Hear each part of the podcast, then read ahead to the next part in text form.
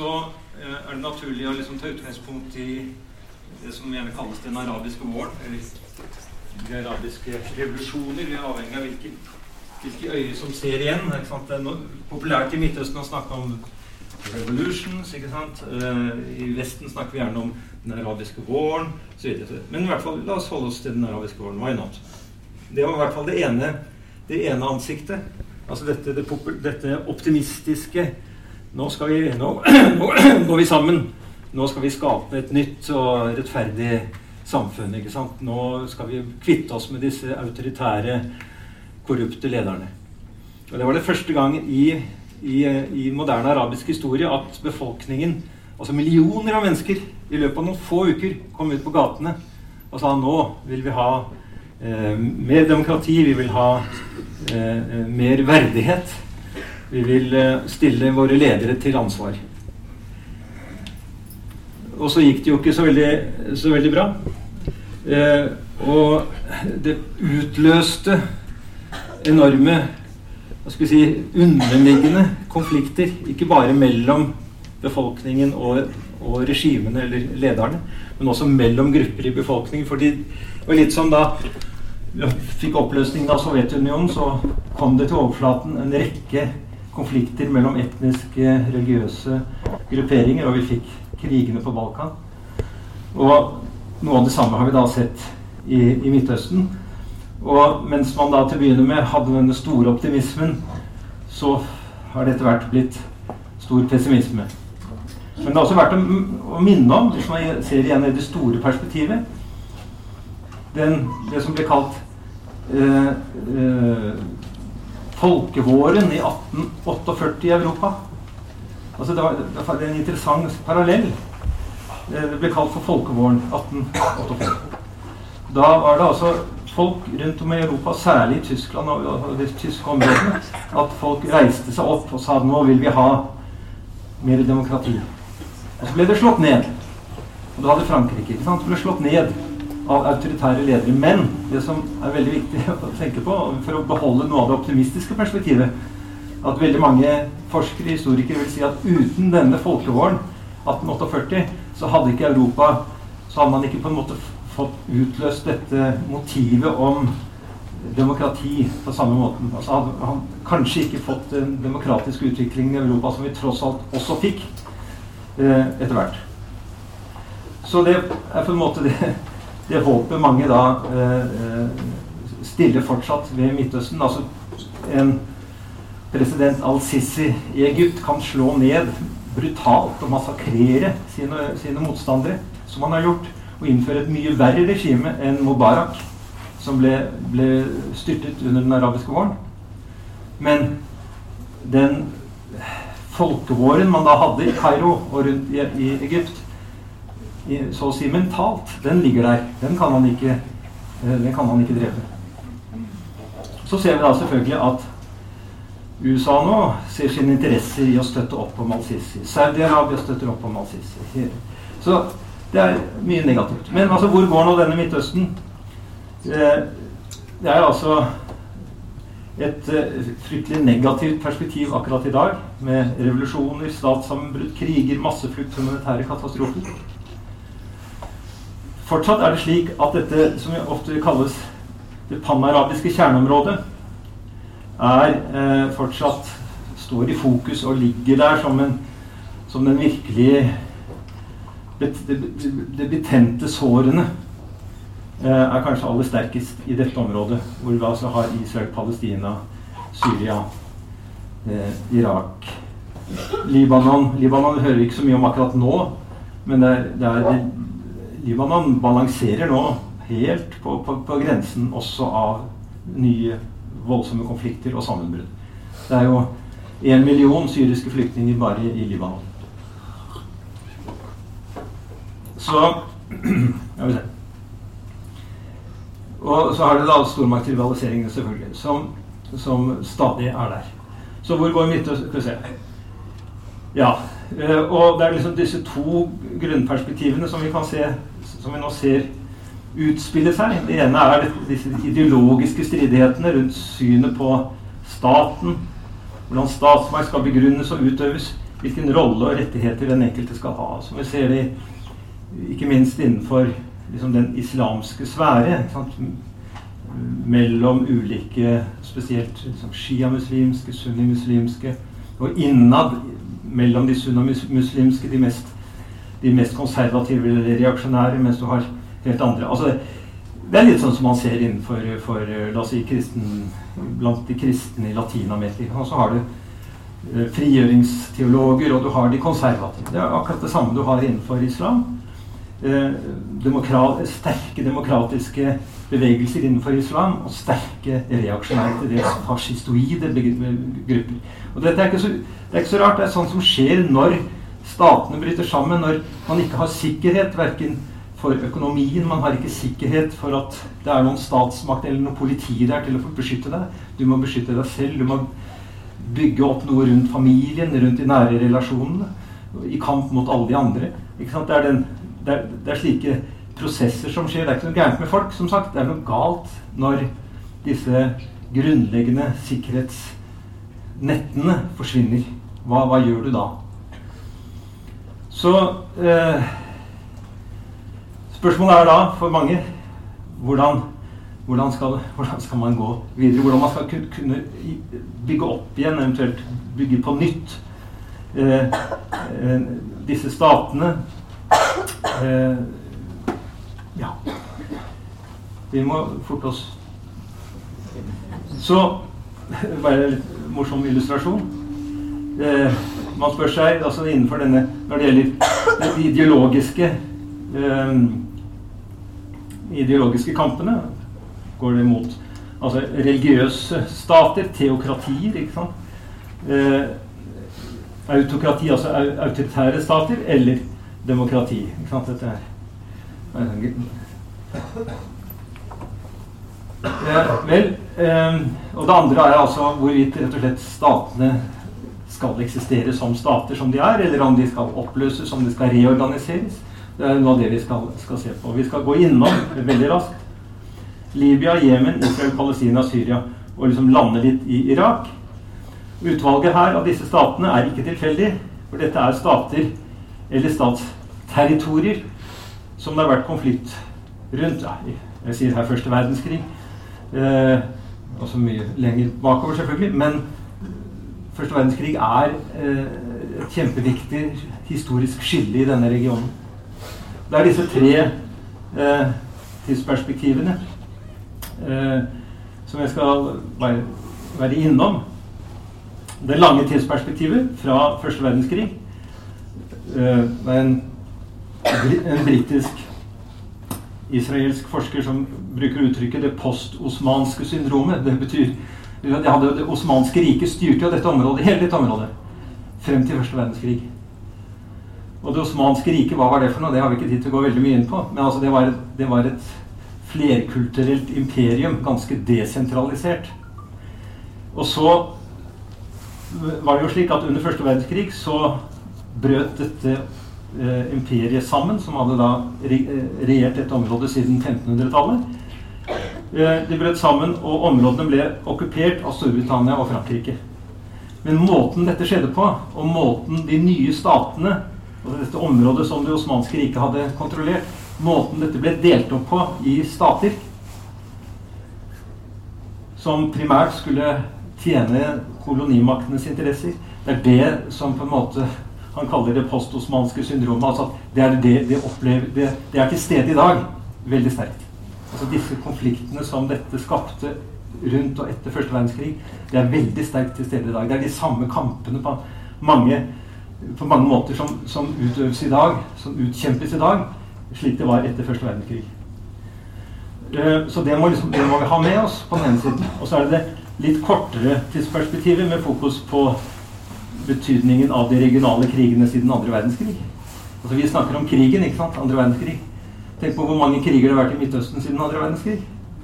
Eh, eh, avhengig av hva man definerer som en krig, men det kan raskt regne opp ca. ti kriger i, det, i, dette området. Med fryktelige konsekvenser, og mye mer fryktelige enn det vi opplevde.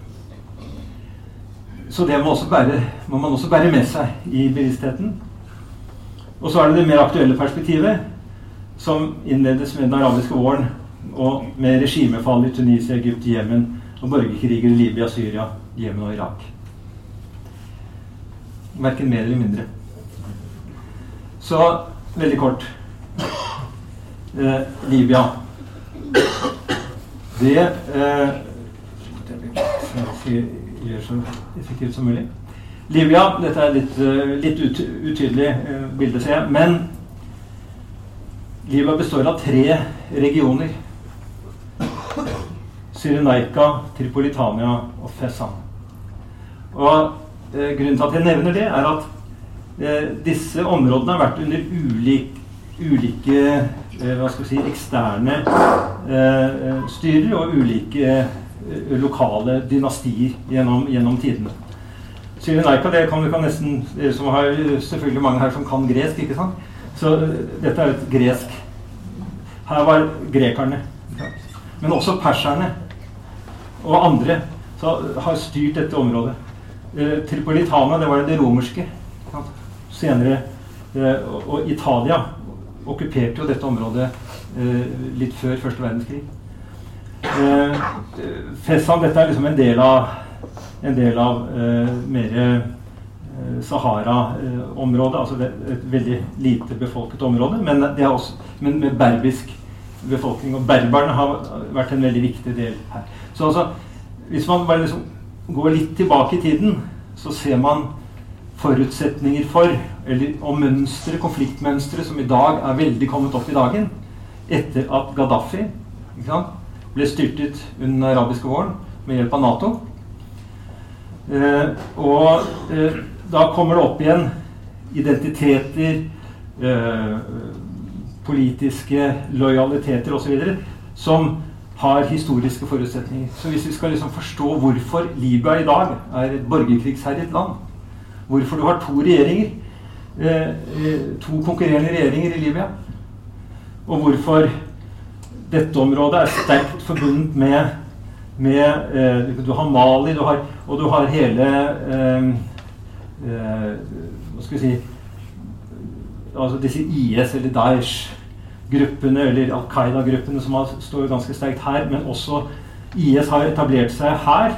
Det er mange som lurer på om når IS nå ser ut til å bli slått i både Syria og Irak, kanskje så etablerer de seg her. Så, eh, og det er da med ulike former for lokale allianser mellom eh, berbiske dynastier, andre lokale dynastier osv. Så, så det er veldig selvfølgelig ustabilt område. Og da Gaddafi ble styrtet, så var det mange av disse gruppene som, og militsene som greide å, å, å robbe til seg store våpenlagre. Så her er det Og det er det vi ser, ser i dag. Og det har jo da vært også Egypt har jo da forsøkt å bombe IS her. Eh, til og med Forente arabiske Nei, eh, eh, hva heter det? UA, altså ja, De forente arabiske emirater har jo også deltatt i bombing her. Så altså, det tiltrekker seg andre aktører når det, når det blir slik eh, kaos. Så eh, eh, Og det, det, Gaddafi forsøkte Gaddafi tok makten i et ublodig kupp i 1969.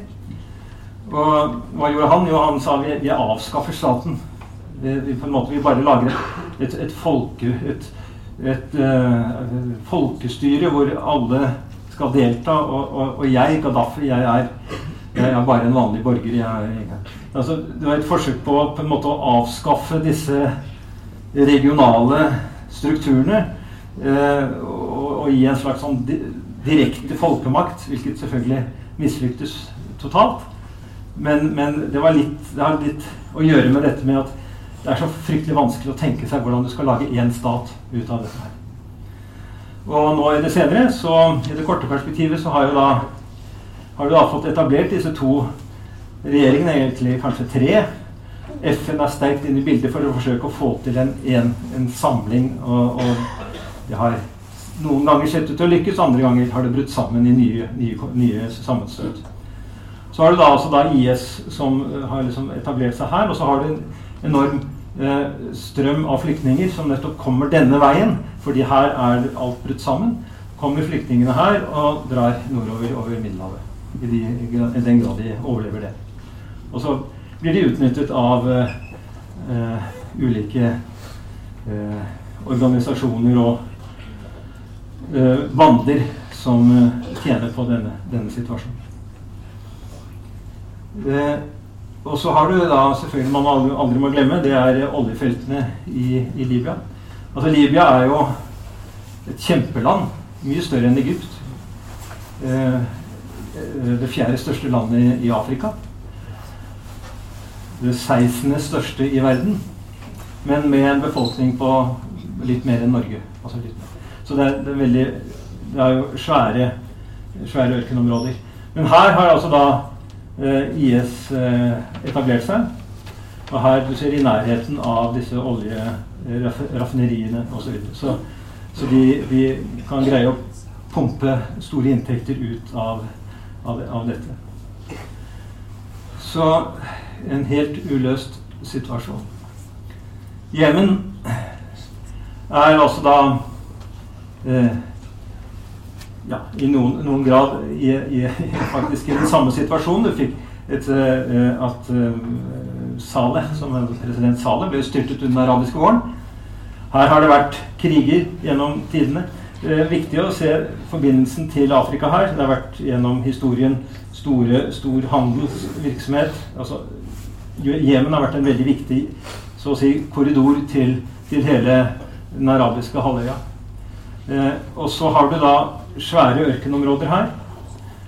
Det er her befolkningen stort sett befinner seg. Og så har du da historisk så har du hatt et, et veldig sterkt skille mellom det som gjerne kalles Eh, Nord-Jemen og Sør-Jemen. Her har du Aden. Britene var veldig interessert i dette området. Eh, så rundt første verdenskrig så fikk man en, et, et eh, ja, halv altså, altså, Man løsrev seg fra det osmanske riket og fikk et, et, et, regime her. Og et regime her som britene styrte gjennom Aden, eller Aden. Og så Det førte da til en, en splittelse kan du si, i hele dette landet. sånn at man fikk etter hvert to stater, Nord-Jemen og Sør-Jemen. Frem til eh, og, og, kriger i området. Det var stor krig mellom 1962 og 1967 mellom Egypt og Saudi-Arabia i Jemen om kontrollen av Jemen.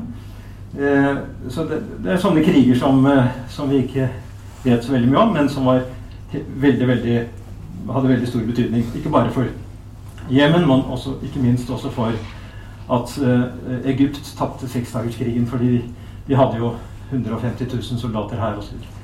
Men i hvert fall eh, så uh, fikk man her da et, et, Og det eneste virkelig kommunistiske regimet i den arabiske verden på, på 70-tallet. Og nye kriger mellom nord og sør. Og, mens fordi nord er da et mye mer konservativt område. Og så så, og så fikk man en fredsordning, og så ble disse to statene slått sammen i 1990. Og, men så i dag så er det et stort spørsmål om denne staten kan, kan henge sammen etter den krigen vi har nå, hvor, hvor Saudi-Arabia med støtte fra Egypt og USA kjører en nådeløs krig, men hvor det som heter Houthi-militsen, som som representerer på en måte en, en ganske dominerende folkegruppe i dette området, som er sjiamuslimer, i motsetning til Saudi-Arabia, hvor det er sunnimuslimer. Og Houthi-bevegelsen er da på ulike måter støttet av Iran, som er sjiamuslimsk. ikke sant? Og så, så Jemen er nå et, et offer for denne regionale kampen mellom sunni-regimer og Shia-regimer, altså en geopolitisk kamp om kontrollen av dette området mellom Iran og Saudi-Arabia og deres støttespillere på begge sider. Helt uløst. Det har vært mange forsøk fra FN og andre å, for å få en stabilisering av, av situasjonen, og det er et fryktelig, en fryktelig humanitær situasjon fordi områder, byer som kan motta hjelp, blir, er blokkert av Saudi-Arabia. Så det er virkelig det er en befolkning her på 25 millioner, hvorav mange millioner nå står virkelig i fare for å, rett og slett sulte i hjel. Noen av dere hørte kanskje Jan Egeland på, på radio for ikke lenge siden. Så det, det er altså Det er igjen, igjen en fryktelig situasjon og helt, helt uløst hvordan dette skal organiseres i, i fremtiden. Og Så må vi over til dette kjerneområdet som jeg snakket om. Eh, og litt som eh, Jorunn var inne på, alle konflikters mor. Det har noe å gjøre med dette området her, som da Storbritannia og Frankrike delte mellom seg eh, under første verdenskrig, og som ble grunnlaget for statsdannelsene etter første verdenskrig. Jeg skal ikke gå inn i detaljene her, men altså det, bare, altså det, det, blå er fransk dominert, det røde er britisk. Eh, og så har man en internasjonal sone, eh, Palestina. Altså, for det her kunne man ikke bli enige om hvem som skulle ha kontrollen. Eh, den, den, hvis noen er interessert i hvordan det gikk, så kan dere se det i denne boka som, jeg, som jeg har skrevet, som heter 'Midtøsten imperiefall, statsutvikling og kriger', som tar, utvik, tar utgangspunkt i veldig mye i, i, denne situasjonen her og hva som skjedde siden. Så eh, poenget er altså Jeg ser bl.a. Dette, dette området her i, i Tyrkia, eh, nemlig primært kurdisk, det kurdiske området kjempekonflikt. Og vi vet ikke hvordan dette utvikler seg i Tyrkia. Eh, og, og eh, så fikk man da Dette er Libanon, ikke sant, som da var en del av faktisk en del av, av Syria. Eh, ble skilt ut av franskmennene. Ja, og, og, så har du Irak. Og grunnen til at dette er mørkerødt, er at dette var det mest prioriterte geopolitiske området for, for britene. For her har du Persiabukta, veien til India var helt fundamentalt for britene. Å kontrollere veien til India og kunne ha en direkte eh, kanal over her. Derfor, denne, derfor, derfor var dette britisk styrt. Og Palestina kom jo under britisk kolonistyre, eller mandatområde. Så, men i dag Ja. Hva skjer med de, de kurdiske områdene? Kurderne ble jo lovet en egen stat etter første verdenskrig. Men så mobiliserte jo Kemal Atatürk, altså den nye kurdi, den uh, tyrkiske nasjonale frigjøringshelten. Man, man fikk sammenbruddet Dette var jo det osmanske riket. Alt dette var det osmanske riket, styrt fra Tyrkia. Eh, Osman det er rett og slett navnet på, en, på et dynasti. Det var det osmanske dynastiet som styrte dette området fra 1500-tallet. så fikk du den nasjonale revolusjonen i Tyrkia med Kemal Atatürk. Eh, og han fikk i gang en ny krig etter første verdenskrig. Hvor han da fikk erobret dette området. Eh, fikk kastet ut grekerne, bl.a. Kjempehumanitært problem, men det skal jeg ikke gå inn på. Eh, og så og erobret disse kurdiske områdene. Og krevde at alle skulle være tyrkere. Det var, det var ikke noe som het kurdere. De var fjelltyrkere. Og kurdisk var forbudt som språk. Så, eh, så det, Og det ligger der, ikke sant? Med, med, med store eh, borgerkrig, kan du si, i Tyrkia i dag, mellom Og det har vært lenge. Mellom eh, tyrkiske nasjonalister og kurdere. Men de, kurderne lever jo også i dagens Syria og i dagens eh, Irak og i dagens eh, Iran. Så det er et eh, også et, et, perspektiv som vi må ha med oss, altså det kurdiske perspektivet, som er, er, skaper enorme utfordringer når det gjelder statsorganisering. Fordi de, de blir fratatt det som eh, Folkeforbundet egentlig lovet til, nemlig en egen stat. Så, eh, så er det selvfølgelig Palestina-problemet, som, som eh, holdt på å si ikke har tid til å gå inn på. Men jeg skal ta et, et, et lite blikk på det også nemlig dette. Ikke sant? At eh, dette var dette det britiske mandatområdet Palestina fra, fra 1922. Og så fikk du FN-resolusjonen om to stater i 1947. Og så fikk du den første arabisk-israelske krigen og de, de, grensene som i dag gjelder for Israel eh, og Palestina. Eh, men så fikk du da og dette var i 1967, hvor altså, Israel okkuperte disse områdene. Og så spørsmålet er ja, hva, hva, hva, hva, nå? Eh, israelerne satte i gang sin nye hva skal vi si, settlerbosettingspolitikk. Så nå er det dette som er en måte eh, de områdene som palestinerne har form for selvstyre i, og dette er staten Israel. Men det man også ser dette, ved, ved, denne utviklingen, er at hva som skjer med Palestina, vil jo også definere hva som skjer med Israel. Så Israel er ingen ferdig definert stat. Den israelske presidenten sa for et par måneder siden at ja, kanskje vi skulle ha én stat, og ikke to stater, ikke tre stater. Ja, kanskje, Hva skal vi gjøre med palestinerne? Ja, Kanskje vi må gi dem statsborgerskap? Men da sier høyresiden ja, men herregud, ja, men da, da opphører jo Israel som jødisk stat. Og så, så her er det en kjempedebatt om hva som skal skje, hvordan det, dette området skal organiseres som stater. Én stat, to stater, tre stater.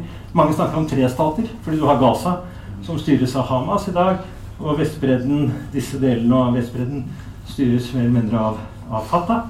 Så kan dette bli én stat, eller to stater, kanskje tre-fire stater. Ja. Og det var det, det som skjedde i Sør-Afrika under apartheidtiden. Vi fikk bantustanene som egne stater som Sør-Afrika anerkjente som egne stater, men ingen andre. Noe av det samme kan skje her. at Man får sånne palestinske ministater som Israel har kontroll over, og som Israel anerkjenner, men ingen andre vil anerkjenne, for det, de er ikke selvstendige. De har, de har ingen nasjonal selvstendighet. Og så er det Syria. Vel, eh, dette var altså ikke noen stat under det osmanske riket. Eh, Syria var en, en, en provins, men provinsen Syria under det osmanske riket inkluderte dagens Syria, Libanon, Israel, Palestina og Jordan. Så, eh, men fordi man fikk dette, denne delingen mellom briter og franskmenn, så skulle dette bli et fransk område. I, i, og i tillegg til dette da Libanon, som ligger her. ikke sant? Og eh, de franskmennene gjorde, de fant ut at dette var kjempekomplisert å lage noen stat ut av dette her. Så det første de gjorde, var å skille ut Libanon som en egen stat. Og så lagde de fem andre stater her. Eh, men det fungerte veldig dårlig.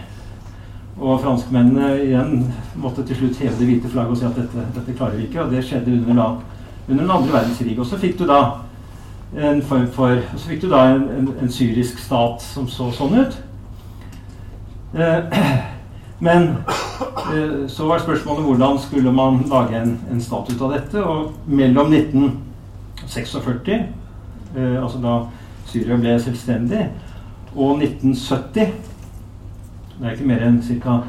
20 år, så hadde du også 20 statskupp i Syria. Så det er klart at altså En fundamentalt ustabil og uavklart statsdannelse. Altså ingen klar statsidé. Og det har sammenheng med at du har mange forskjellige, ikke bare forskjellige etniske og religiøse grupper, men også folk, øh, folkegrupper som har, ikke er vant til å orientere seg i retning av en moderne nasjonalstat. At det var dette. De, hele deres tradisjon har jo vært å forholde seg egentlig til Konstantinopel og til, til, øh, til helt andre strukturer enn de moderne nasjonalstater. Men så du, hadde du likevel også en, en, en kjerne av si, folk utdannet i Europa med europeiske, sterke europeiske impulser til hvordan man skulle organisere moderne statsdannelser. Som, som, da rivaliserte om å få kontroll over statsmakten. For har du kontroll over statsmakten, så har du også kontroll over befolkningen og du har kontroll over ressursene. Så øh, ja øh, og, og, da fikk du denne Bat-ideologien, som den heter. Som var en sekulær ideologi. Det var noen kristne syrere som sto i spissen for å utvikle en panarabisk, sosialistisk, sekulær eh, idé om statsdannelse i Midtøsten. Og de hadde, de hadde, Syria som sitt kjerneområde, men til dels også Libanon, og etter hvert Irak. Så dette Baath-partiet tok etter hvert makten både i Syria og Irak. Og forsøkte jo å få til en enhet med Egypt og president Nasser i sin tid. Altså man skulle lage en stor arabisk konføderasjon som skulle være sekulær, sosialistisk, tredje verdensorientert. Det brøt sammen på, tidlig på 1960-tallet. Men i hvert fall eh, eh, eh, Men ideologien var der, og herskerne var der. Men de klarte altså ikke å, å skape noen form for stabilitet bak partiets eh, partiprogram, hvis man ser på det, minner veldig mye om Det norske Arbeiderpartiet. Altså det, var veldig progressivt, vil vi si. Og, og skulle ikke, man skulle ikke være splittet av religiøse og etniske greier. Men, men det, var ikke, det, var ikke, det som var realiteten på bakken. er det som er problemet. Og derfor fikk du i større og større grad, da Assad-familien tok makten i 1970, så ble fordi det var stor usikkerhet, stor eh, mangel på ideen om en nasjonal enhet, så måtte dette regimet forsvare seg mot sine rivaler. Og det ble et mer og mer autoritært og etter hvert totalitært regime inntil eh, den arabiske våren. Og så har det blitt selvfølgelig bare verre siden. Så det er eh, eh, Ja, jeg behøver ikke å Men altså Så det var Syria under fransk styre, hvor man altså ser ikke sant, Her har vi Libanon. og dette er et, en del av dagens Tyrkia. Eh, og eh, franskmennene ga dette området til Atatürk. Og syrerne har siden aldri godtatt det, og er rasende, selvfølgelig. Men det er noe sånt. Så det kan dukke opp igjen som en konflikt. Så dette er dagens situasjon sånn i, i grove trekk. Som man ser, et, et, eh, et område her som er de facto, altså i realiteten, eh, dominert av kurdiske militser. På grensen mot Tyrkia, noe tyrkerne er veldig imot. Og, så det er jo kriger, eller kamper mellom tyrkiske og kurdiske styrker på den ene siden. Mens USA i dag, og nettopp i går, eh, bekreftet at de vil forsyne kurderne med våpen eh, mot sin allierte Tyrkia. Altså en, en, en følsom situasjon. Og så har du da de befolkningssterke områdene her langs denne kysten. Eh, her har du Damaskus, her har du Aleppo, eh, Palmyra. Dette er eh, Vel, dette står her som eh, kontrollert av IS. De kontrollerer ikke i realiteten alle disse områdene, men de, de har sterke posisjoner i en rekke av disse byene. Så, og, og Raqqa er jo da den eh, IS hovedkvarter, eller hovedstaden. Så poenget er nå at man skal forsøke å knuse IS her i Raqqa. Eh, og hvordan det går, får vi, får vi, nå se. Det er ikke det som er eh, mest fokus, fokus, på i dag. Det skal vi se om et øyeblikk.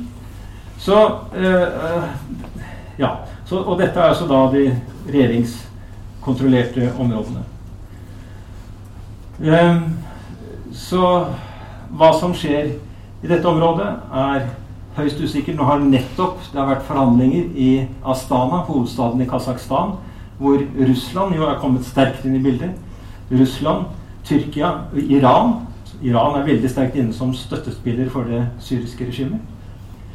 De er da blitt enige om å opprette noen sikre soner, såkalte deeskalerte soner, Eh, i, i, området for å få inn humanitær hjelp.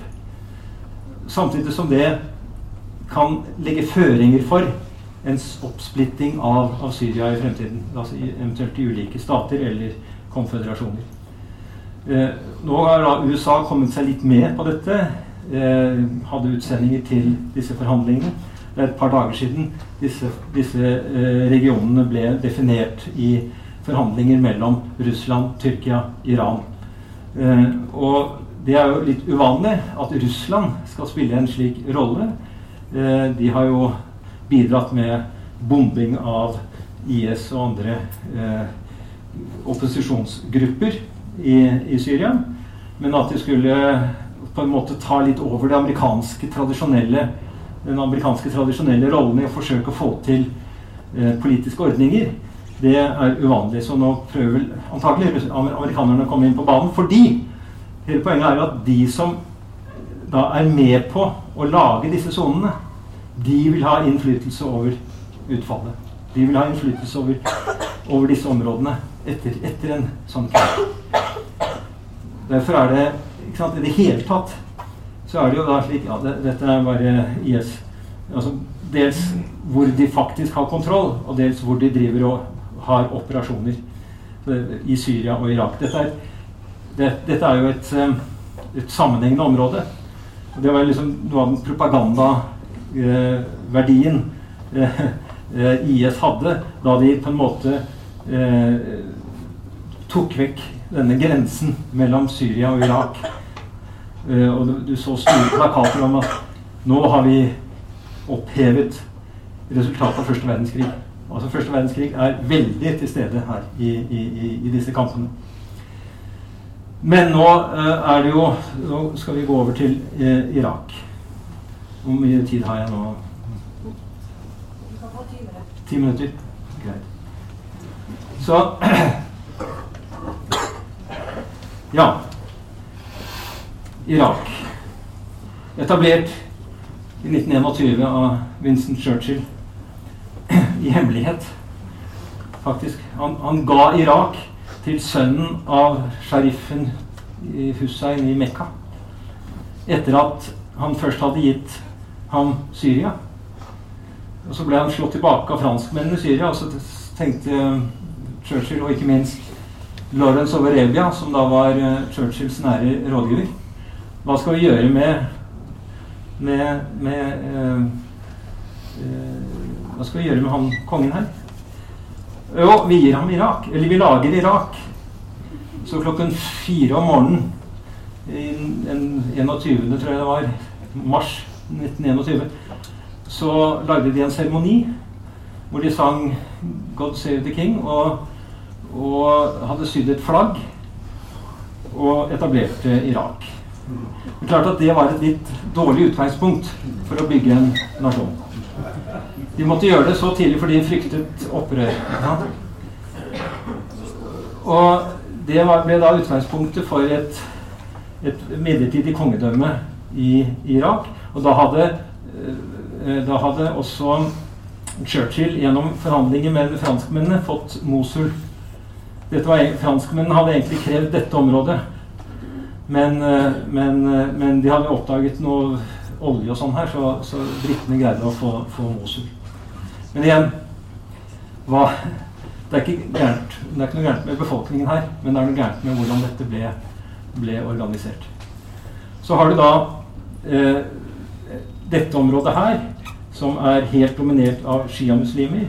Dette området hvor du har shia, en blanding av sjiamuslimer og sunnimuslimer. Så har det kurdiske områder her. Her er det sunnimuslimsk. Men fordelingen er sånn cirka at sjiaene utgjør ca. 60% av befolkningen.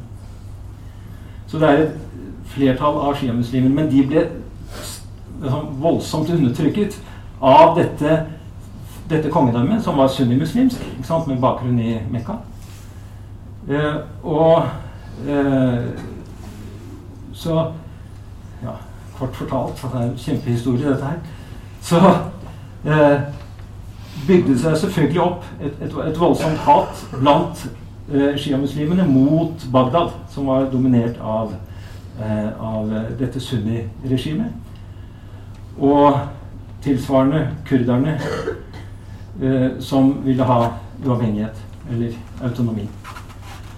Så det er på en måte, i tillegg da til disse ideologiske stridighetene, så kommer dette med hvordan i all verden skal man lage en, en stat ut av dette.